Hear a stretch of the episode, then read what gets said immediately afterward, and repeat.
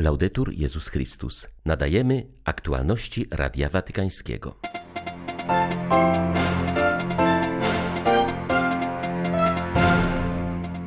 Po modlitwie Regina Celi Franciszek zauważył, że wzrost nienawiści i przemocy w Ziemi Świętej stanowi poważną ranę dla braterstwa i pokojowego współistnienia, którą trudno będzie wyleczyć, jeśli natychmiast nie nastąpi otwarcie na dialog.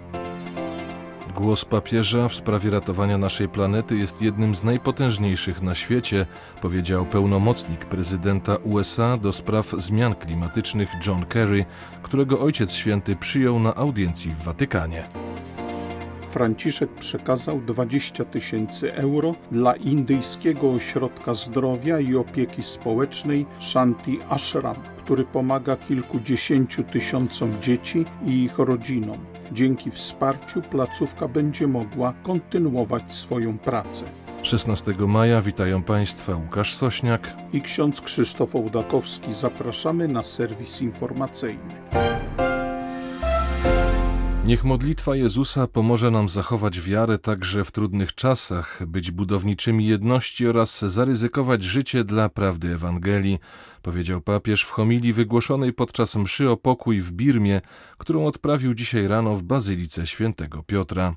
Spośród słów użytych przez Jezusa w modlitwie do Ojca, Franciszek podkreślił szczególnie czasownik zachować, podczas gdy Birma dotknięta jest przemocą, konfliktami i represjami, pojawia się pytanie, do zachowania czego jesteśmy szczególnie wezwani. Odpowiadając na to pytanie, Ojciec Święty stwierdził, że najważniejsze jest zachowanie wiary, aby nie popaść w rezygnację i zwątpienie.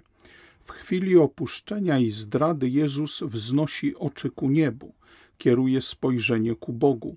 To pozwala również dzisiaj przezwyciężyć pokusę nienawiści i zemsty oraz pozostać dla siebie nawzajem braćmi i siostrami. Franciszek zaznaczył, że ważne jest również zachowanie jedności. Jezus pragnął, aby jego uczniowie stanowili jedno – Temu wciąż zagraża śmiertelna choroba, którą jest podział. Doświadczamy tego w naszych sercach, ponieważ często jesteśmy podzieleni nawet w samych sobie. Doświadczamy tego w rodzinach, we wspólnotach, między narodami, a nawet w kościele. Jest wiele grzechów przeciwko jedności: zazdrość, zawiść, dążenie do korzyści osobistych zamiast do dobra wszystkich, osądzanie innych, a te małe konflikty, które istnieją między nami, odzwierciedlają odzwierciedlają się potem w wielkich konfliktach, takich jak ten, którego doświadcza obecnie wasza ojczyzna. Gdy górę biorą interesy partykularne, rządza zysku i władzy, zawsze dochodzi do starć i podziałów.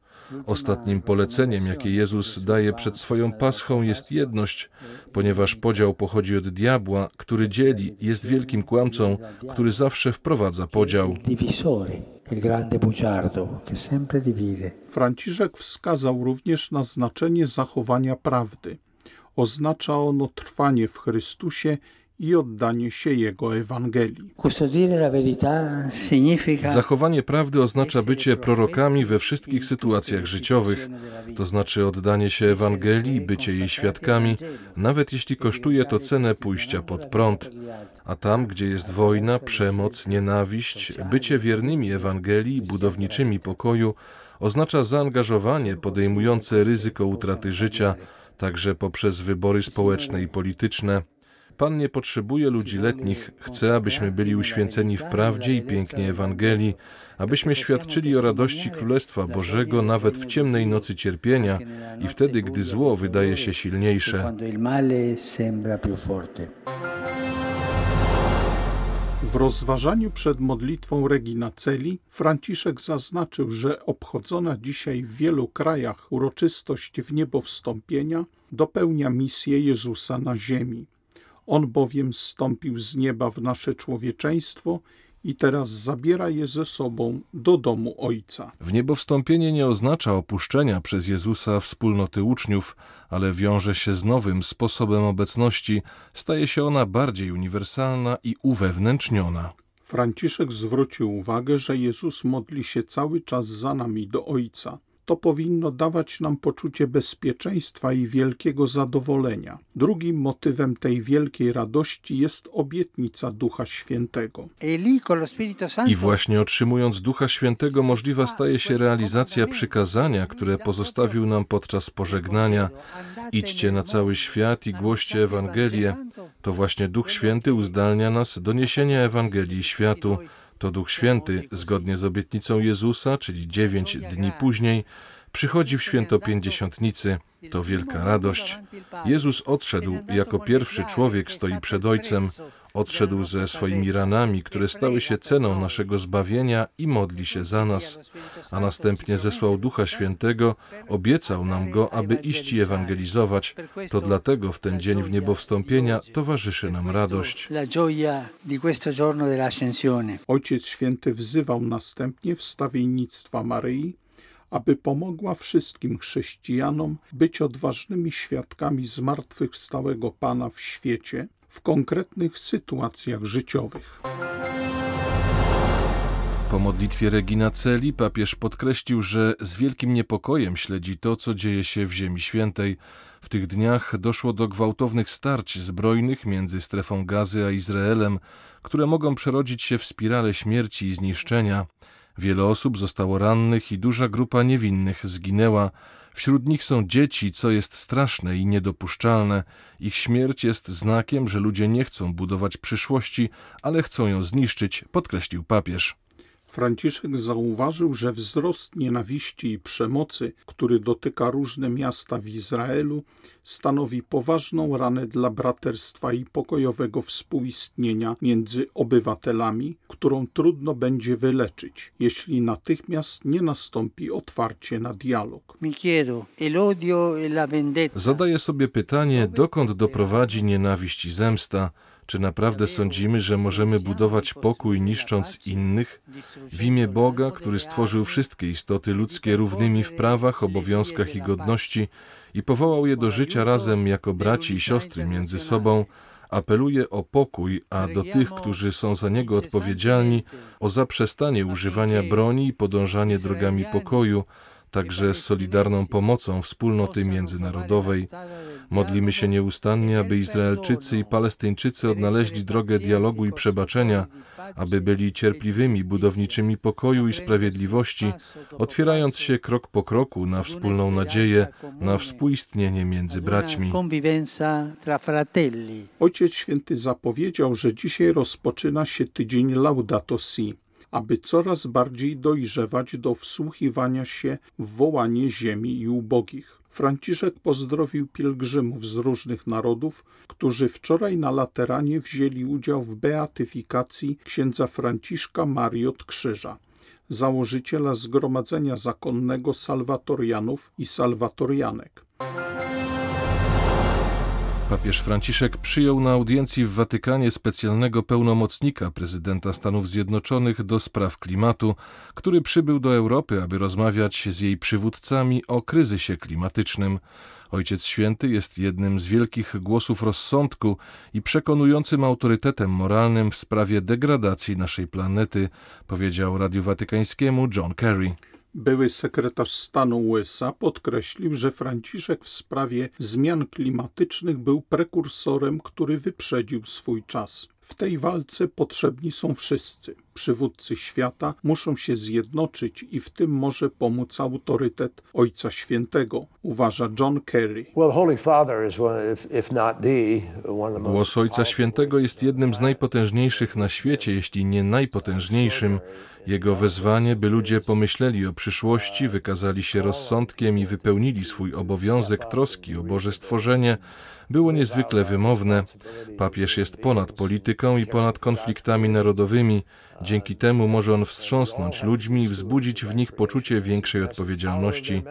To prawda, że Watykan jest maleńkim krajem, ale jego znaczenie w skali globalnej jest ogromne. Papież Franciszek ma zdolność do poruszania serc obywateli wielu krajów, aby domagali się oni od swoich rządów odpowiedzialności i ratowania planety. Oczekujemy, że nadal będzie mówił o zmianach klimatycznych i przypominał, że nadszedł czas rozliczenia się ze sposobów, w jaki realizujemy rozwój. Papież cieszy się szczególnym autorytetem i dzięki niemu ma szansę dotrzeć do wielu ludzi, skutecznie przekonywać ich o potrzebie pójścia razem, pomimo podziałów w świecie. Jego głos jest ważniejszy niż kiedykolwiek. Stany Zjednoczone są jednym z największych emitentów gazów cieplarnianych na świecie. Wszyscy muszą wykonać krok naprzód. Stany Zjednoczone wniosą proporcjonalny wkład w finansowanie projektu, ale liczymy, że również inne kraje postarają się o redukcję emisji, podkreślił John Kerry. Papież skierował list do ordynariusza Terni biskupa Giuseppe Piemontese, w którym pozdrowił mieszkańców miasta z okazji 40. rocznicy wizyty Jana Pawła II w tamtejszej hucie i zapewnił o swojej modlitewnej pamięci. Franciszek zaznaczył, że kryzys wywołany pandemią miał negatywny wpływ na większość gałęzi włoskiego przemysłu i również w Terni spowodował wzrost bezrobocia. W tym kontekście wszyscy są wezwani do odnowienia swojego poczucia odpowiedzialności za całą wspólnotę poprzez solidarność i dzielenie się z najbardziej potrzebującymi. Należy podjąć wysiłki, aby w tej trudnej sytuacji zachować prymat praw człowieka nad dążeniem do zysku, napisał Ojciec Święty. Papież podkreślił, że świat pracy i gospodarki nie stanowi obcych dziedzin dla przesłania chrześcijańskiego, ale przestrzenie czekające na ubogacenie Ewangelią. Kościół nigdy nie jest obojętny na jakość życia ludzi oraz warunki, w jakich pracują. Zależy mu na humanizowaniu ich działalności zawodowej, aby była coraz bardziej ludzka i przyjazna, napisał Franciszek. Podkreślił, że praca jest powołaniem człowieka i nadaje mu godność, dlatego wszyscy jesteśmy wezwani do tego, aby z niej go nie okradać. Wzywam tych, którzy odpowiadają za świat pracy, firmy i przedsiębiorstwa, aby wdrażały odpowiednie rozwiązania mające na celu ochronę stanowisk pracy, pamiętając o znaczeniu rodziny dla całego społeczeństwa. Stąd kluczowe jest realizowanie projektów solidarności z najbardziej potrzebującymi, czytamy w papieskim przesłaniu do ordynariusza Terni. Wczoraj odbył się online Międzynarodowy Kongres Ginekologów i Pediatrów, promujący pomoc dla indyjskiego ośrodka Shanti Ashram w Coimbatore. Celem było zebranie 60 tysięcy euro dla Ośrodka Zdrowia i Opieki Społecznej, który poprzez Bank Żywności, pomoc medyczną oraz szkolenia pomaga 50 tysiącom dzieci i ich rodzinom rozsianym w wioskach wokół miasta, które znajduje się na dalekim południu subkontynentu. Udało się zebrać kwotę około 40 tysięcy euro. Pozostałą część pieniędzy przekazał papież Franciszek. Dzięki temu ośrodek Shanti Ashram będzie mógł kontynuować swoją pomoc dla ludności. Pomysłodawczynią tej niezwykłej inicjatywy Solidarności w roku pandemii była Antonia Testa, profesor ginekologii i położnictwa na Uniwersytecie Katolickim w Rzymie, która dwa lata temu podczas podróży do Indii poznała doktora Kezewino Arama, pediatrę przewodniczącego Shanti Ashram. W styczniu Kezewino skontaktował się ze mną z prośbą o pomoc, wspomina profesor Testa. Powiedział mi, że po ośmiu miesiącach lockdownu wyczerpali wszystkie swoje zasoby i że nigdy nie widział tyle biedy.